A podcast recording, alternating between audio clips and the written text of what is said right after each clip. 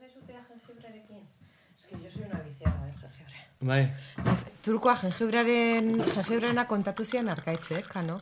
berak ere bai, e, claro. Eta arkaitzek ere bai. eta arkaitzek esan zian.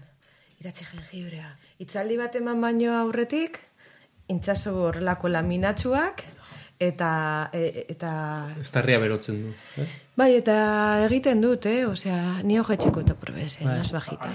Jarri, como... Txikitsua nas, eta orduan. Bai, hola. Eslabok zisekek Bai, askotan eta- gogoratu duen bezala, zinema Bai, arte perbertso bada. Ez dizu esango zer desiratu behar duzun, baizik eta nola desiratu behar duzun. Bai. Gaurko gonbidatuak zinema ikertzen du, eh, ikus-entzunezkoak aztertzen ditu, eta Euskal Herriko Unibertsitatean irakaslea da. Eta dago, da, niretzako da. Osea, me, me encanta, osea...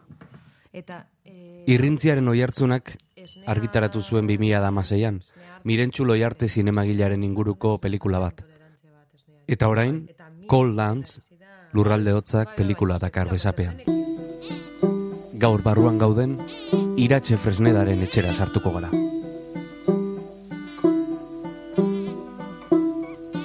Nekesia nabaritzen dut, zare sozialetan sartzen ezenean. Osa, gehiagikeria da. Osa, gehiagikeria, baina gehiagikeri absurdoa, ez da? Osa, zabor eta denbora galtze, galtze bat izugarrizkoa, ez da? Barruan gaude.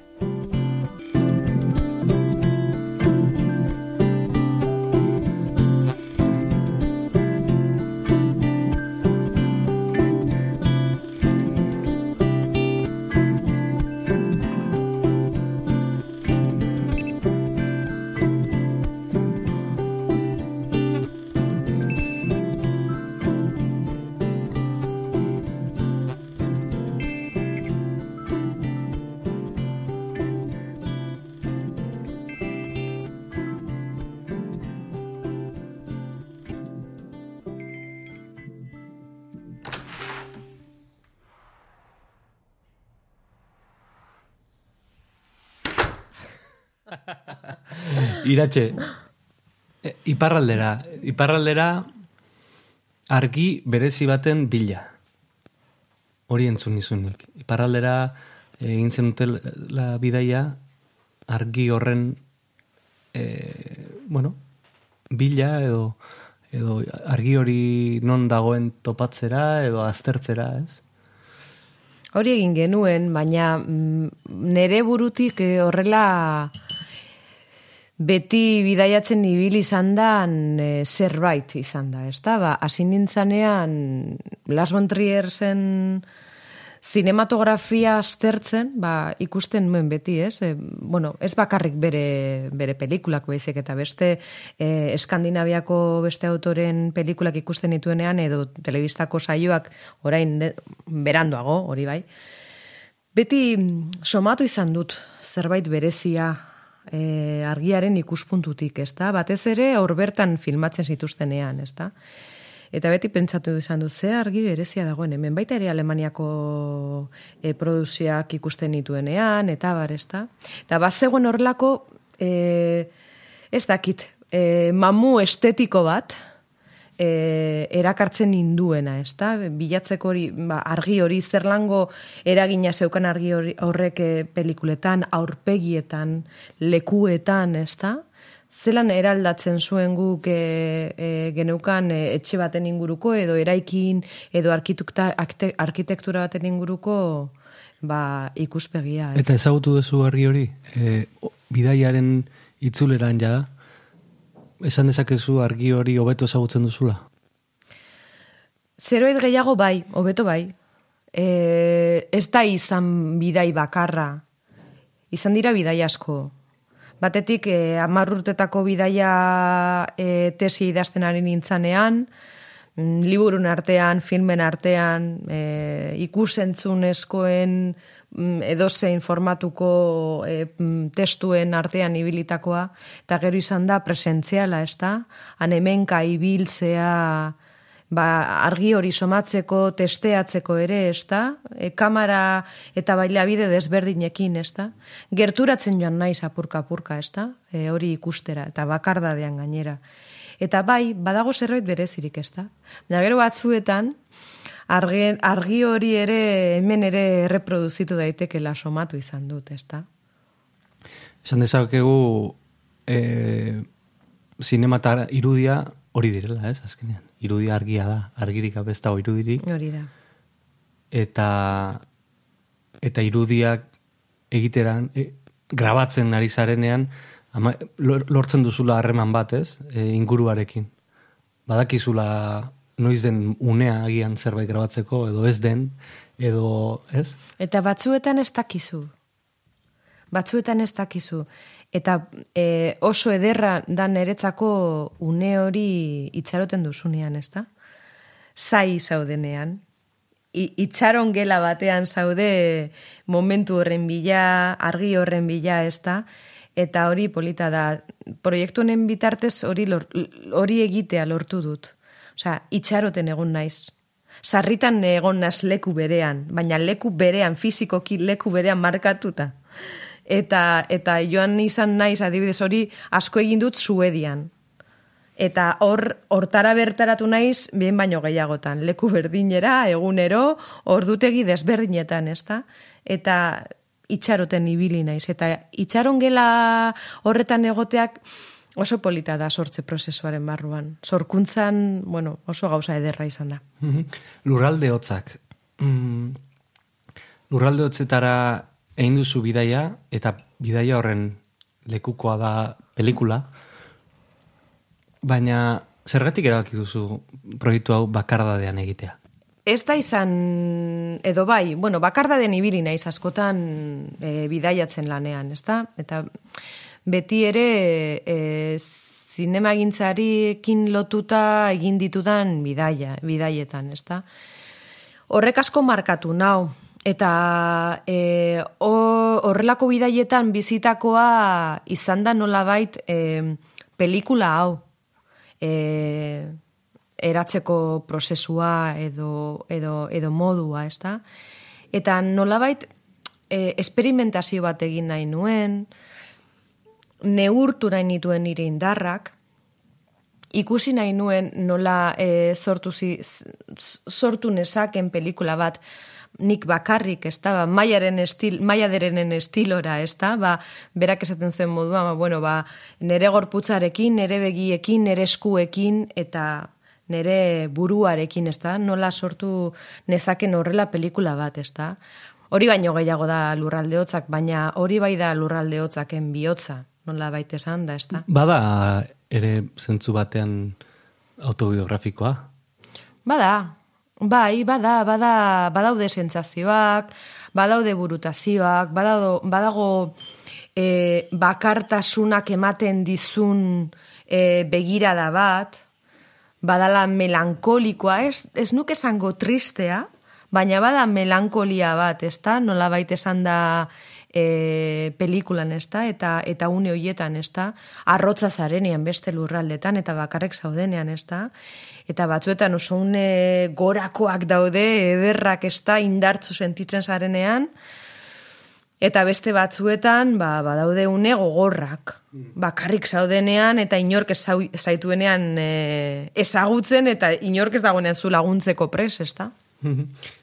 Eta, eta bide hortan, e, egin duzu nolabait e, egoaldetik hasi ez, eta iparalderako bide hori, e, nola aukeratu duzu ibilbidea, zein izango zen, bazenekien zein izango zen? Bai, bai, bai, bai, banekien, nahiko argi neukan, hasiera baten, e, e, markatu izan ninduena, bai, baita ere e, pelikularen bukaera sortzeko, eta izena, izena, bueno, izena jartzeko orduan, izan zen Islandia. Islandiara egin genuen e, proiektua guztia, borobildu baino lehen egin genuen bidai bat, ezta? Eta nik, e, bueno, i, bidai akademiko bat, hor aurkezten nuen e, telebista serie eskandinaviarren inguruan egin nuen itzaldi bat, egin behar nuen reike adiken, eta orduan aprobetsatu genuen e, ba hor e, horrelako lokalizazio lanak egiteko, ezta?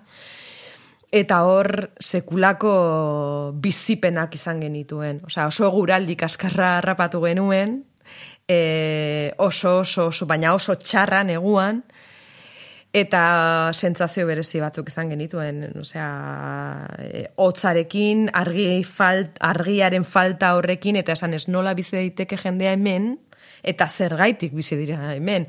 Ulertu dezak, horrelako abismoaren aurreko erakarpen bat, baina beste aldetik, osea, behar, osea, argia non dago, non dago bizitza hemen, ezta? Ederra da, baina zelako hotza egiten duen hemen, ezta, kokatzo artean. Mm. Fisikoa eta emozionala nola baitere, ezta?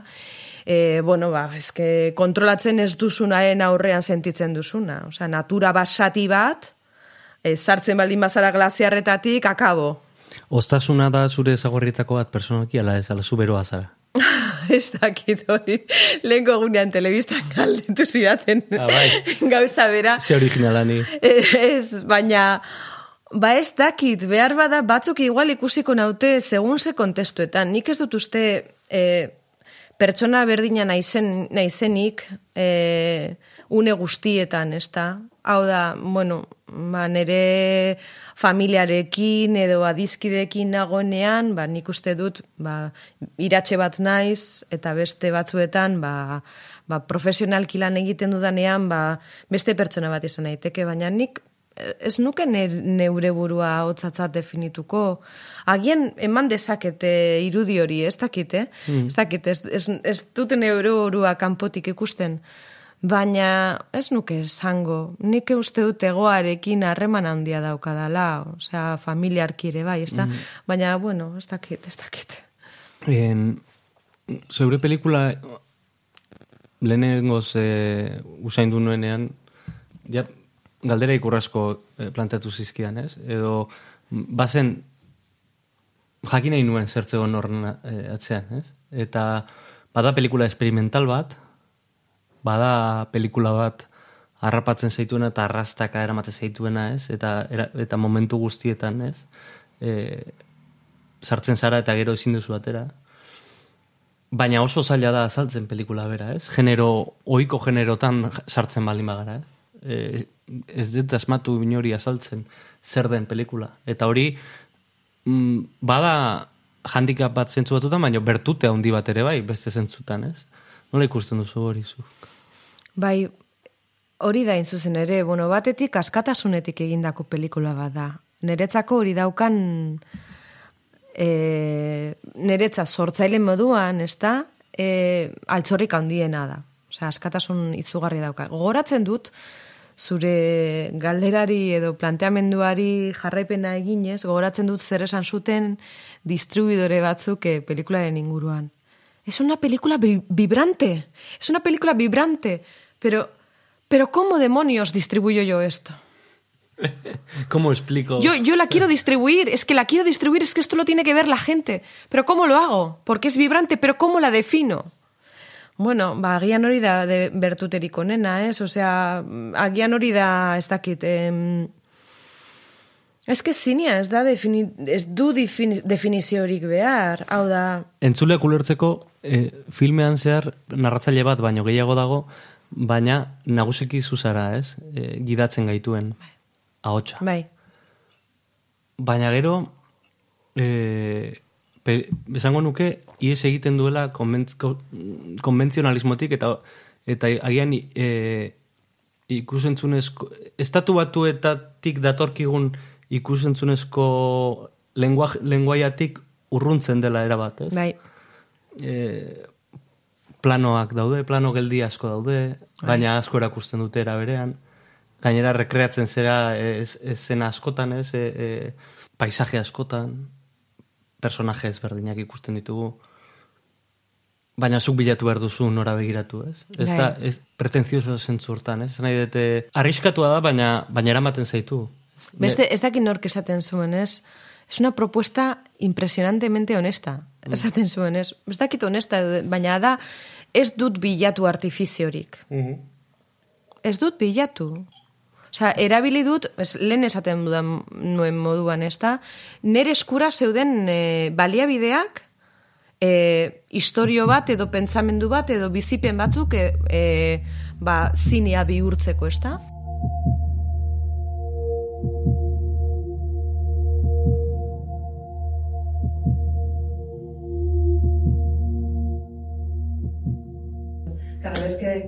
Registramos eh, con nuestra cámara y hacemos un encuadre, estamos ficcionando, estamos plasmando también unos modos de ver. ¿no?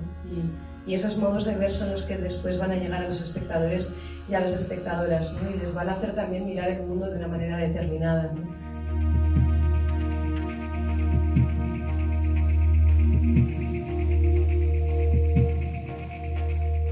si abrimos eh, nuestro teléfono móvil ¿no? Nos fijamos en todas las imágenes que hemos acumulado ahí, cuántas nos hacen falta y cuántas no, cuántas imágenes basura recogemos ¿no? a lo largo del tiempo. Es una de las cosas que a mí me llama mucho la atención, que, que nos llenan nuestros teléfonos móviles y sobre todo, a veces, cuando se borran de repente, no pasa nada, absolutamente nada.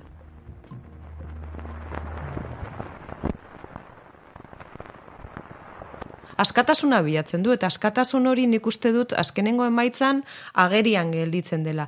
Beste, e, zera, Frantziako kritika batek esaten zidan, ze hotza zaren, ze hotza den, bueno, e, behar bada, eta beste batek, eta, eta berak ere esaten zidan, plano estatikoak daude argazkiak, ez dira argazkiak. Baina ez dugu e, irudia eta honekin Raulek entzuten bali Raul, Raul Lopezek esango dira borge. Baina Rauli, Rauli esaten nion, ez txasu e, arindu mesedes eta favorez e, zera, odeiak. Mm -hmm. mugitzen naturalki. Bai. Emango du argazki badela, baina ez da argazkia. Hau irudi mugimenduan da. Mhm. Eta, eta, eta batzuk pentsatzen dute argazkiak ez. Erabaki bat dago. Baina gainera argazki... Eh, ez, nik bintzat... Bai, erabaki formala da, eh? Bai. Guztiz. Guztiz da kontemplazioarena. Dudi gabe. Esan nahi nuen argazki bat pantailan jarrita eta e, irudi bo, ikusentzunezko bueno, e, bideo bat edo pelikula bat jarrita segituan nabaritzen da zein den argazki eta zein ez, ez? E, bizirik daude e, zure irudi horiek bere geldian bizirik daude, ez daude geldi. Ez ez daude. Ez, daude, geldi. Hori, e, eta bueno, oso sugerenteak dira, ez? Norberak ikusten du e, eta imaginatzen du e, eta bere eramaten du, ez? E, galdera bat egingo dizute, agian ez dena ainerresa, ez? E, esan dezagun, pelikula ontako irudi hauek mm, doazela Euskal Zinemak markatzen duen korronteren kontra. Iru, estilo aldetik, bai? Zuk uste duzu, e, ez ote da Euskal Zinema estatu batuetara gehiagi begira. Eneri zentsazioa mandit batzuetan, e, badagoela saiakera moduko bat, estatu batuetako lenguaia hortara, edo balia bideoietara, edo espektakularizazio hortara, homologatzekoa gure aldetik, ez? Zaiak, ez dakit konsiente ala inkonsiente den, ez? Baina, mm, pixkat homologatu nahi bagenu bezala gure sinema e, estandar hortara, ez? Gu ere gai gara, ez? Edo, zentxasi hori... Hori baino gehiago eta hori ere bai, nik uste dute kontakizun e, mota hegemonikoetara bideratzeko e, edozin kontakizun mota. Eta nik uste dut, historio edo ideia bakoitzak bilatu behar duela forma bat.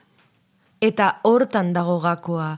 Eta ez e, kontatzeko klitxe eta, eta baleabide estanda, estandarretara egokitzea zure historia. Aldre bez izan behar du.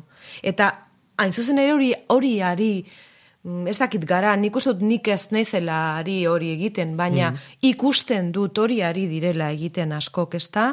E, egokitzen estandar hoietara. Eta ez zure pelikularen favorean egon daiteken e, lenguaia erabiltzen. Emaitz politak ere ateratzen dira, eh? horrelako estandarretan mugitzen diren historiak. Nik mm. edo motatako pelikulak mota, en, maite ditut. Osea, Irakurtzen nion, e, koldo almandozi eta hori guztatzen dan, ez? Er, e, mm, reflexio bat, esan ba hori ba, ez tala behar... E, zerbait espektakularra, ez? Pelikula bat egiteko. Ez, ez, da, ez du zertan, bizitza ez da extraordinarioa, ez? Izan daiteke extraordinarioa batzutan, baina... Baina ez beti. Gehienetan ez da, ez? Eta bizitza kontatu behar da, eta hori ere bada sinema, ez? Eta horren aldeko, mm, bueno, aipu hori eh, asko gustatu zitzaidan. eh. Bai, eske koldok bestelako sinema bat ere bilatzen du. Eta bestelako formak bilatzen ditu bere ideietarako, ez da? Asko gustatzen zait egiten dituen esperimentuak, ez da? Osa, mm, berak, be, nik uste dute, esperimentatzen duela, ez da? Horeina da, e, nik uste dute, estandar horietan sartzen den, e, bueno, pe, e, pelikula agian, bakarra agian, baina bestelan beti bilatzen du forma bat, kontatzeko era bat, esperimentatu egiten du, ez da? Eta ore, oreinan ere, eh, egin du apustu bizitzaren alde, eh? esan nahi Bai. dut, eh, eh, Egunerokotasunaren alde, eguneroko zertzela da txiki hoiek bizitza txikiaren alde egin du, ezta? Eta hori oso niretzat hori bide polita da, ezta? Hori japoniarrek asko e, japoniar e, zinemagintza korronte batzuk eta zuzendari batzuk hori egiten dute eta eta niretzako hori ederra da eta Netza biderik ede, e, politena, ez da? Beste, besteetaz igual saturatuagoak gaude, ez da? bai, etengabe irizten zaizkigu, Bai, bombardatuta gaude, ez? bai, eske, ia gauza bera aldatu egiten dira e, aurpegi batzuk, leku batzuk, eta ia dana berdin e, kontatuta, ez da, orduan horrek ere aspertu egiten gaitu, baina gero badago gure mm, oso e, erosoak ga- gara. Eta orduan, kontakizun pop horretan, pop kulturak daukan errepikapenaren kultura horretan eroso sentitzen gara, ezta? Eta behar dugu, ba, etxean bezala sentitu, kontakizun batzuk entzuten, ikusten, irakurtzen ditugunean, eta hortik ezatera, ezta? Ze besteak eskatzen digu, exigentzia egiten digu, ezta? Pentsatzeko, hausnartzeko, ikasteko, eta batzuetan gero eta erosoagoak bihurtzen ari gara. E, gaur egun ba, gertatu da alako ikusentzunezkoaren demokratizazio bat. E, nahiko nuke zure e, ikertzaile figuratik abiatuta e, zenbateraino izan da, edo zertan izan da ona demokratizazio hori, eta zertan ez. Demokratizazioa hitz erabiltzen dugunean, e, claro, polita da etimologikoki e, esan era jotzea, ez da, da e, denon gobernua, ez da, demokrazia, ez da, eta ez dakit denontzako teknologiaren e, demokratizazio edo teknologian denongo eskuetan ete dagoenik, ez da, bai, e, hemen agian bai, e, guk bizi garen zonaldeetan, baina beste leku batzuetan ez horren beste, eta hemen ere, bat, leku batzuetan, e, ba ez daukate horrelako aukerarik, ez da. E, eman da, e, erosteko aukera bat, teknologia merketu bate, batetara heltzeko aukera bat, ez da? Baina ez da demokratizatu e, teknologia hori nola erabili ikasteko aukera. Eta hori da klabea, ez Eta da? askotan teknologiak ez digu guztien importantena ikusten, ez? Ah, Hoxe da. Importantena ez da zerrekin grabatzen duzun, baizik eta zer kontatu nahi duzun. Eta, eta, eta zer noako helburuak dauzkazun, ez da? Osa, erabilpena. Eh, horrela hitz xumeekin adierazteko, ez da, teknologia bera, baizik eta nola erabiltzen dugun teknologia hori, ez da. Eta gertatu izan dena nere ustez da, da demokraziaren kontrakoa, da nola bait, ba, irudien absolutismoa, eta komentatzen dut zarritan, ez da, ba, hau, honetaz aipatzen askotan hitz egin du Susan, Susan Sontangek eta eta ja 70garren hamarkadan ari zan bera argazki gintzaren eta irudiaren e, e, absolutismo honetaz hitz egiten eta e, irudien zorkuntzak kapitalistaren e, e, obsesioaz, ez da? Guke azkenean obsesionatuak gaude dena e, sortzeko eta sortzeko eta sortzeko eta sortzeko, batzuetan ez da behar horren beste sortu eta baizik eta bizi, ez da? Eta gero erizek ere honetaz ari da. Nork sortzen du, nork dauka aukera sortzeko eta ez bakarri sortzeko, baizik eta masiboki edatzeko eta eragin bat izateko, ez da? Hor ez dago demokratizazio horik. Glen egon gara komentatzen gubion artean zein zaila zen pelikula bat distribuitzea. Bai. Eta esan da, produktu amaituta daukagula, diruarekin eginda, Bai. kutxun, dotore, eta ala ere, Zaila da. zaila da erakustea Beraz, demokratizazioa ze puntutara arte. Bai. Dana da purtsu bet komplikatua, eh? Bai, e, dena erregistratzen dugun garaiotan ze balio daukat dokumentuak. Hombre, norberak eman nahi diona, ez da? Baina nor, normalean e, e, dokumentuak izaten duten balioa ez da bakarrik dokumentatutakoa, baizik eta gero kartzen duen interpretazioa, edo egiten den interpretazioa, jendeak egiten duena. Dokumentuaren erabilpena oso importantea da. Ze kontestuetan atera erabilpena, erabilpen hori, ez da? Asko, asko itzen dugu mm, barruan gaudeko aurreko elkarrezketetan askotan atera da ba e, ikusentzunezko tendentzia berrien gaia, ez? Ba, YouTube dela e, milenialen edo milenial belaunaldiaren impultso hori, ez? Dana grabatzeko, selfieak atera, e, sare sozialetan dana partekatzeko, norbere buruaren komunikazio arduradun izateko. Garai berri hauetan, e, iratxek nola bizi du e, sare sozialen mundua, e, eta impulsi, impulsibidade hori irudiekiko. Ba, niri ni lehertuta bukatzen dut. Osa, e, nekesia nabaritzen dut. Zare sozialetan sartzen ezenean. Osa, gehiagikeria da. Osa, gehiagikeria, baina gehiagikeria absurdoa, ez da? Osa, zabor eta denbora galtze, galtze bat izugarrizkoa, ez da? Une batean ematen zuen horrelako ilusionantea iruditzen zitzaidan, benetan, osea, oso polita e, gauzak egitu eta bar, ezta? baina orain batzuetan sartzen naizenean, ba, bueno, partekatu nahi duzunean zerbait, somatzen duzu inork ez zaituela entzuten. Inor, e, ba, gu, gutako bakoitza bagaudela gure gure kokatxo artean saltzen, eta besteak ez ditugula entzuten, ezta? Eta gehiegi, e, danok saltzen dugu era berean, gure ideiak, gure pentsamenduak, gure, bueno, botaka egiten dugu sare sozialetan, botaka egiten da, eta irudiekin ere egiten da hori, edozin gauza. Ez que mm, pornografia da, mm, pornografia hutza da, oza, ni, niri etzaite importa zer jaten duen honek besteak, eta mm, zertarako. Eta, hau, ontaz asko itzitun zu zure ikaslekin ere, hortaz, e, ko- jabetu nintzen, horrekoa.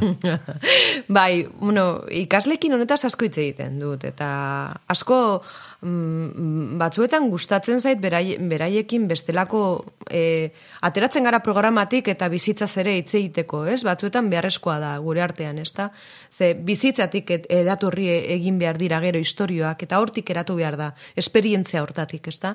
Eta askotan hitz egiten diet, eta, eta komentatzen diet, meretzako beraieko baiak direla. Izan direla, e, e, zera, Silicon Valleytik ateratako e, zare sozial eta herramienta teknologiko guztien lehenengo belaunaldia, ez da? Zenbat urterekin euki zenuen lehenengo mugikorra?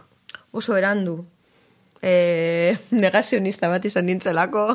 Hau da, e, ikusten nuen e, mugikorra zeukaten pertsonak oso estu eta larri bizi zirela, estresatuta mobilarekin, eta orduan azkenean, bueno, entrepresa batetarako egiten dituen, bueno, ahots e, iragarkiak grabatzen dituen, ez da? Eta doblajiak eta holangoak. Eta orduan, baina eske zaudi inoiz ezin zaitugu lokalizatu, eta ez dakit zer, ba ez dakit, Be, ia, goita marrutekin edo lan. Goita zortzi edo... Mm. Hortik gutxi gora bera. Hor izan nuen lehenengo mugikorra ez. Baina erori zinen. Bai, Danok erori gara. Danok, eta badaukat mugikorra eta batzuetan herri eta egiten dit aizpaka adibidez, ez da. Baina non utzi duzu mugikorra ba etxean, eta igual ematen dut asteburuz ba, eta mugikorra e, piztu gabe ba etxean usten dut, ez da. Baina izan ditut nik ere jonki garaiak, eh? Bai. Osa, danok bezala, deskubritu izan dugunean, ditugunean sare sozialak eta, ai ba, konektatua nago, jendearekin hitz egin dezaket. Hori ere, mm, e, bakardadearen ilusioaren etendura hori ere sentitu izan dugu, ez da, baina. Et, ze sare sozialetan zaude? Ba, pf, ia, ia guztietan. Bai. A ber, e, bueno, bikoteaz dut bilatzen. Osa, horrekin amaitu ja, etapa hori Vale. bukatuta daukat, ez da, setuta, baina... Bai. E, behintzat orain, or, oraingoz. E, e, Twitterren nago, e, Facebooken nago, eta gainera kasualitatez nago, eh? Zare sozialetan. Bai. Facebook oso berandu izan nuen, eh? Facebook eta Twitter, oso berandu izan Oso nituen. berandu. Oso berandu. Facebook, Twitter, Instagram, gero LinkedInean, eta ez daki zergaitik mm, hor nagoen, ez dut ulertzen. Nire banago eta nik ere ez dakiz Ez dut ulertzen, dakit baina hor nago. Ez zertarako balio izan, Ez, inoiz. osea, hor dago. Badauzkat lagunak hortik eh, abiatuta lana aurkitu duten, eh? 2000 eta amabitik zaude Twitterren. Bai, 2008tik.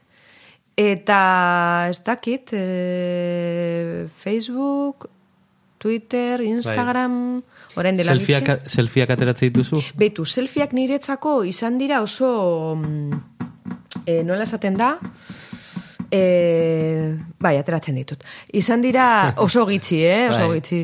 Baina nola esaten da zerbait osatu egiten zaitu Terapeutikoa. Terapeutikoak. Bai. Ze, e, ez zait gustatzen e, kameran aurrean agertzea. Ez Mm. dut izan, ez dut izan interesik horren, horrekin, ezta? Eta beti bili naiz ni besteak erretratatzen, bai, familian eta bar, eta bar. Eta orduan ni oso lotxatia nintzen e, ba, argazkiak ateratzeko. Eta badaukat lagun oso on bat Silvia, eta berak esaten zian, Silvia, selfieak aterako, ez ez, ez dudala nahi, venga selfia, eta, ben, eta bera zan oso selfiaren maitalea. Bai. Bai, venga selfia, eta venga selfia. Eta azkenan ja, bueno, ba horrek, albideratu nau, ba neure burua ere nolabait onartzen kameraren aurrean. Bai. Eta, e, a ber, ez nago egunero ateratzen ez ditut, a- bero ateratzen Bai. ditut, pff, Ja. oso noiz behinka, oso noiz behinka. Baina, baina, bueno, hor esperientzia berezi izan du nik selfieekin, ez da? Zure irudia nolabait e, erregistratuta ikustearen onarpen hori, ez da? Mhm. Ah, Ikuspegi hortatik begiratuta bai, bai. Ez dago beste ikuspegia ez. E, sare sozialetan etengabe tortze zaigun bombardea, Bai. bombardak eta norbere...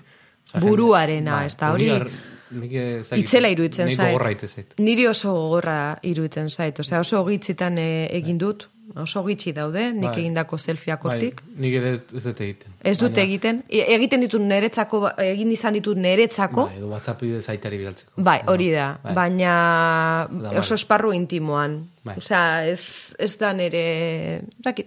Bueno, baina nortasunak eta nortasunak daude. Ez, Bai. ez naz oso exhibicionista zentzu horretan. Ez naz izan inoiz bez. Neurria da beti kontua, ez? Ez Bai. da, ez gara jarriko, eh, bueno, taliban, baina, ba- baina ba- neurria hor dago, ez? Eta ba- bada jendea egun osoa pasatzen duena, bere irudia proiektatzen, ez? Bai, bai. Da, gurtze, norbere buruaren gurtze moduko bat, etengabekoa hori, ez? Bai, jo, niri gogorra iruditzen zaite. Bai. Eta nekagarria ere, bai. Nekagarria. Eta YouTuberen inguruan galetu nahi dizut. E, eta tendentzia bat oso oso e, bogan dagoena gazten artean. Ekarri dituena gauza interesgarri asko ere. E, Lander Arretxeak e, egin nion elkarrezetan esaten zuen, traparekin alderatzen zuen, ez? E, punkarekin, ere bai, ez? Trapa punkarekin eta, eta YouTube ere hor kontestu hortan kokatzen zuen, ez? E, nolabait mm, norbere etxean e, aurre juzkoak albo batera utzita norbere modura e, beste lenguaia bat sortu delako hor, ez? Edo lenguaje bat e, e, espazioak berak baldintzatu duena, ez? Gero beste gauza bada ze diskurso Bai. eta ze, ze e, ideologia zabaltzen diren hortik, ez? Baina bai zabaldu dela genero bat, ez? Hortik e, sarean. Bai, osea, kuriosoa da fenomenoa, garai baten hasi ginen zerbait ikertzen horren inguruan, talde bat bildu ginen, soziologo bat, Bai. e, teknologiako aditu bat, hor e, ikerlari bat hor experimentatzen ari dena parke teknologiko baten hemen, bildu ginen irurok, proiektu bat egiten, horren inguruan, finantziazioa bilatu behar genuen eta danok lan, oso lanpetutak geunden unibertsitatean eta ezin eskoa zitzaigun e, garatzea, e, nahiko gerturapen batzuk egin genituen. Eta, bueno, mm, pff, nik zalantzak ditut. E, YouTube, YouTube azkenean plataforma bada. bai. YouTube YouTubeen egin dez, egiten duzuna edo zein lekutan egin dezakezu, ezta? E, gauza bera. E, neri gehiago iruditzen zait e, YouTube, YouTubeek markatu duela kontakizun norabide bat, Mm. e, nahiko estandarra izan dena, eta, bueno, sin más. Ez zaitu erakartzen. Ez, ez, ez, ez nau erakartzen, osea, ez nau erakartzen. Ez nau, ez nau erakartzen, osea... YouTubek integragarri daukana, egi, arrazoi duzu, azkenean eh, plataforma besterik ez dela, baina bai masibo bihurtzeak, ez? E, masa komunikabide bihurtzeak nola bait, eta sare sozialaren eduki, e, egitura eukitzeak e, ba, eragin dituela olako kom- komunitate berri batzuk sortu dituela, ez? E, Bai, eta badira, eta badira, e, jende gaztearen artean, ba, badago, e, badago komunitate bat, ez da askotan, ba, ba, alabak, alabekin konprobatu izan dut, ez da? Batzuetan hasten direla horrelako kontakizun batzuk jarraitzen, eta bar, ez da?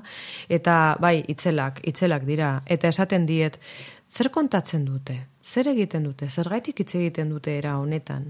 Zertaz ari dira? Pentsatu apurtxu bet, esaten. Ikusi, eh? Osa, nik, nik nahi dut beraiek dana ikustea. bai. Osa, dana ikustea. Baina jakitea eta jabetzea zertaz, zertaz ari diren, zer dauden egiten, eta bar, ez da. E, mm, YouTube ondo dago, baldin eta e, gehiago baldin badago plataforma edo kontakizun estandar batzuetara lotzen gaituena baino. Atzetik baldin badago kontestu bat. Eta, eta baldin badago ikasketa bat, eta baldin badago experimentazio bat, eta jakintzaren bila doan zerbait.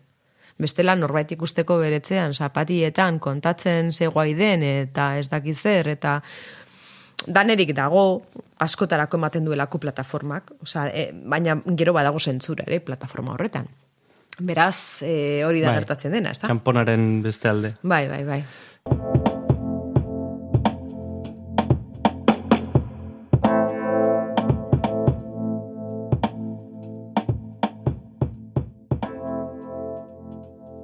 Guazen e, momentu batez e, hitz egitera mirentxu loiarteren inguruan. Zure e, aurreko lana da, Bai. irrintziaren oiartzuna. Eta hain zuzen e, mirentxu loiarte okerazpanago da emakumezko lehenengo zuzendaria, e, euskal zuzendaria. Eh? Bai, Euskaraz e, zinea, Bai. egi, profesionalki egin duen lehen ema, emakumea. Mhm. Bai. E, zinema, euskal zinema loraldi bat bizitzen ari da, e, bakarrik zenbakiak begiratzearekin nahikoa da, ez? E, emakumezkoen, emakumezkoek egindako euskal zinema e, loraldi batean dago orain? Bai, esango nuke, behintzat e, beti egon dira emakumeak, zinearen e, industrian edo industriatik at, edo esperimentatzen edo ertzeetan, beti egon dira Euskal Herrian, Nafarroan pilo bat, e, edo, edo bietan, edo Euskal Herri osoan. E, mm, baina esango nuke orain ikusgarriago egin izan direla, batzuk horretan tematu gara, ikusgarri egiteko emakume hoiek, e, nola baiteko aukera berdintasun baten alde egiteko, ze oso ituta ibili gara, ba, e, gauza batzuk nolabait bihurtzen dira lege ez idatziak, ezta? Inkontzienteak eta izenak beti izan dira gizonak. Beti izan dira eta horrekin apurtzea ez da bat ere erresa. Botere harreman e, zaharrekin, ez? Bai, eta ez, ez da, danak gara berdinak, bueno, danak gara berdinak, baina ez hain berdinak. Bai. Eta hori ikusten da, ze gu ere badaukagu a, abiliziarik, badaukagu e, eskubi, begirada bat, eta burmuina pelikolak e, e, egiteko alduntzen gaituena, ezta? Zergatik ez, ez gara egon hor, ezta? E, nik uste dut loraldi bat dagoela, ba, hor egon didelako emakume asko gauzak egiten, zine, zinearen inguruan, eta batzuk orain nolabait aldundu egin direla hori aurrera eramateko, ez da? Eta horrexegatik mirentxulo arte, niretzako bere referentea, Bai. ba, ateratzea oso beharrezkoa zan. Eta bera, ba, beraz da bakarra, beste batzuk badaude, hor, aipatzen dut ere, irrintzaren hori hartzunak filmean aipatzen dut Janik Belo.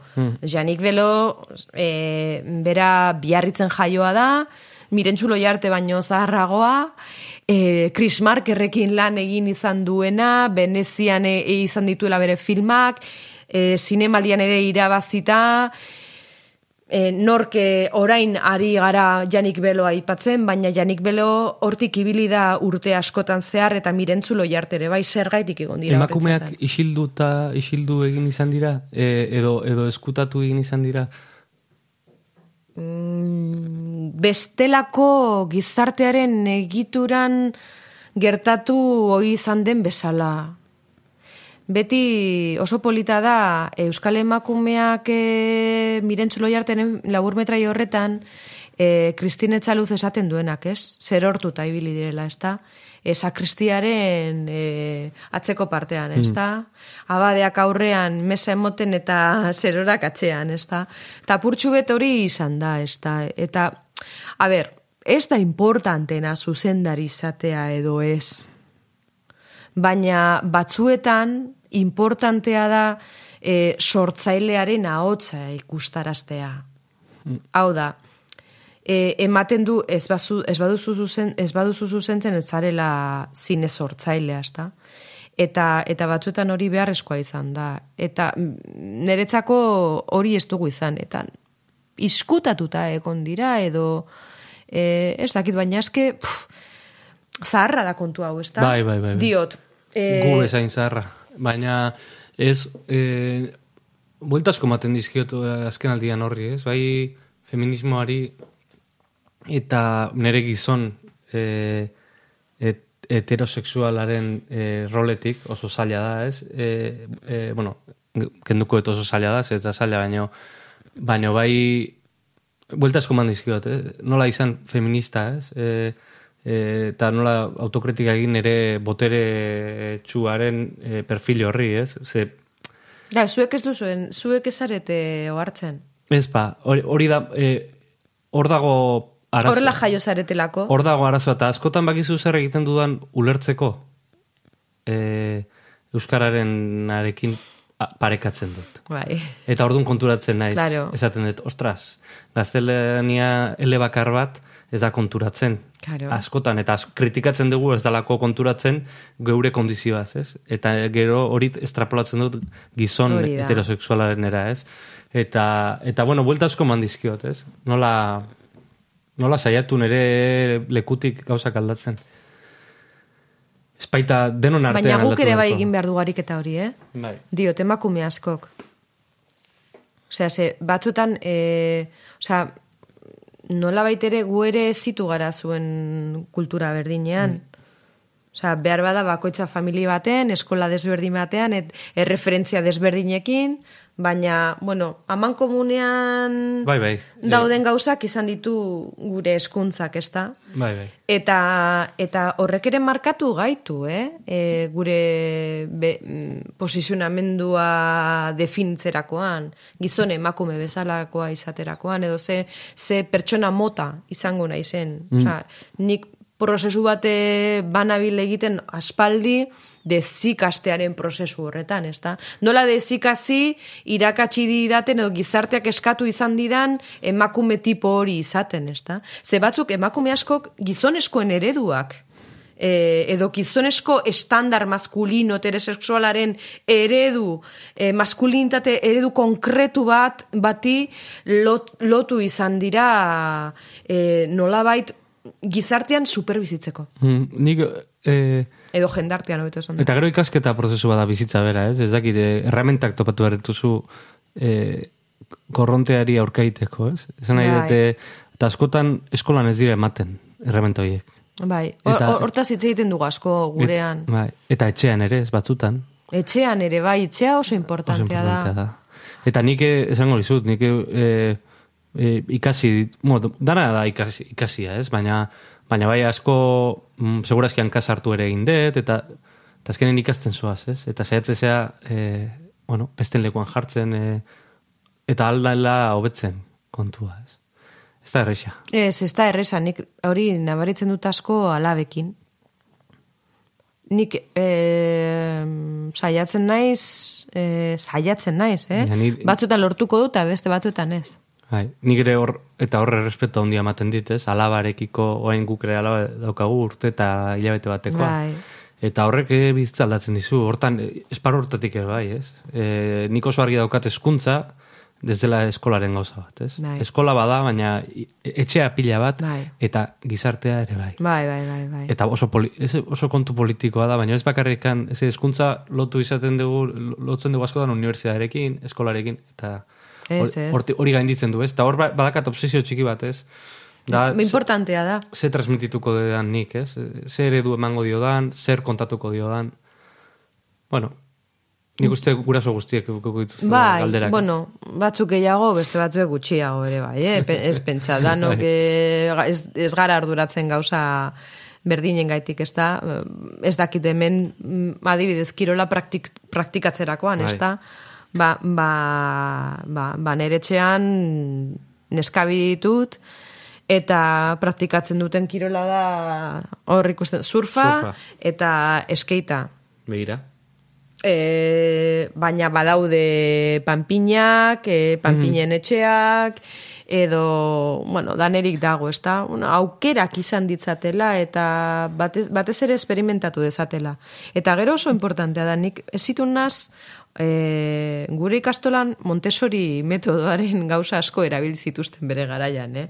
Ni orain eh, hau- hausnartuta eta horren, ez da? Eta da, bizitzaren gauza guztiekin esperimentatu alizatea, ez da? Eta nik hori utzi izan diet beti. Joan daitezela sukaldera eta hartu dezatela dena, claro, etxea gero hankasgora beti dago. Baina sukaldera eta jolastea horrekin, sukaldeko gauzekin, nere liburuekin, makinekin, argazki makinekin, eh, besteekin. Bai. Eta, bueno, mm, bestelako erlazionatzeko bide bat izango dute, ze batzuetan asko markatzen ditugu mm, berriro voltatuko gara teknologiara, tabletetara, askok orain tableta uzten diete aurrei eta hor konpon, ez da? Baina, bueno, izan daiteke tableta, baina izan daiteke ere sukaldeko ontziteri guzti hori, ez da? Praktikatzeko. Tetuan. Zer keraman zaitu? Ba, bizitzak. Bizitzak berriro ere, ez da? E, bizitzatik abiatutako historio bada. Ez dakit nola egiten duzun, baina beti galdera ikurrak lagatzizkiazu, eta dakat ja tetuanen inguruan jakiteko, oh, badakit oraindik goiz dela, ez? Baina, Garatzen ari gara, bueno, historia da, ia, filmea daukat buruan ja, eh? Mm. Ja badago buruan. hori importantea da. Bai. Burua dago, non lokalizatuta, zer nahi dudan kontatu, pertsonaiak, historia orain ari naiz forma bilatzen. Mm. Forma bilatzeko prozesua zaiena da. Politena, niri asko gustatzen zait, prozesu hori.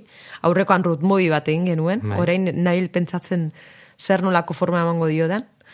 Eta tetuan da, ba, nere bizitzaren, nere bizitzarekin lotura hand- handia daukan leku bat. Ez ni hor eh, jaio naizelako, edo nere aita horrezitu izan zalako, Eta, bueno, ba, hor badauka lotura importante bat gero kontatu nahi dudanarekin e, ba, migrazioaren inguruko ba, horrelako bidai bat ere bai, ez da?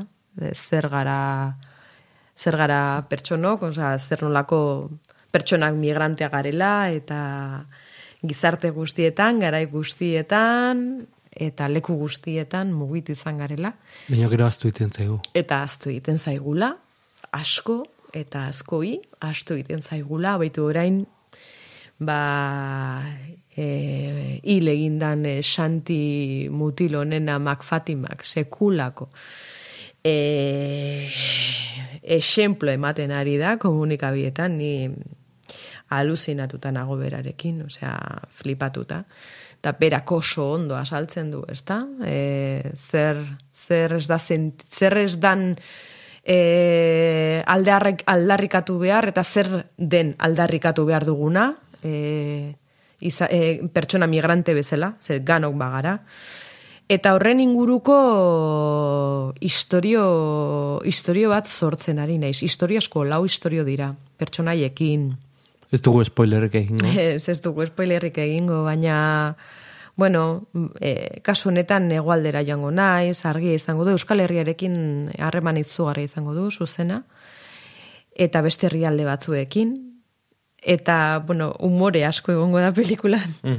bai, umorea ere egongo da. Bozkatu duzu azkenengo autoeskuntza? Bai. Bai, Bai. importantea zen. Bai, bai, netzako importantea da. Batzuetan e, oso, bueno, e, nahiko anarkista naiz. Baina oso garrantzitsua iruditzen zitzaidan boskatzea oraingoan. Eta, bueno, behintzat Euskal Herrian, ba, bueno, postasun txiki batzuk izan ditugu, ez da? Ba, bueno. Hai, Nafarroan bi atera ditu... Justizia poetika esaten dena, Bai. ez? Navarra sumak bi atera ditu, baina gainontz... Bai, Nafarroan horrelako ba, tristesi apurtxu bet, Bai. baina, bueno, e, behintzat beste hiru probintzietan, ba, ba, justizia poetikoa izan dugu, eta oso, bueno, e, ezin gara kexatu. Ezin gara kexatu. Sorte hontetuanekin.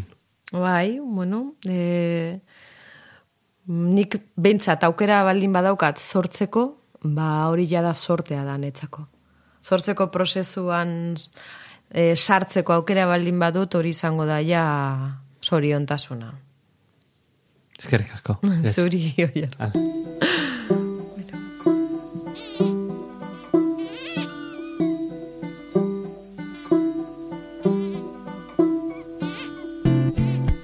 Amaitu da barruan gaude saioaren beste atal bat.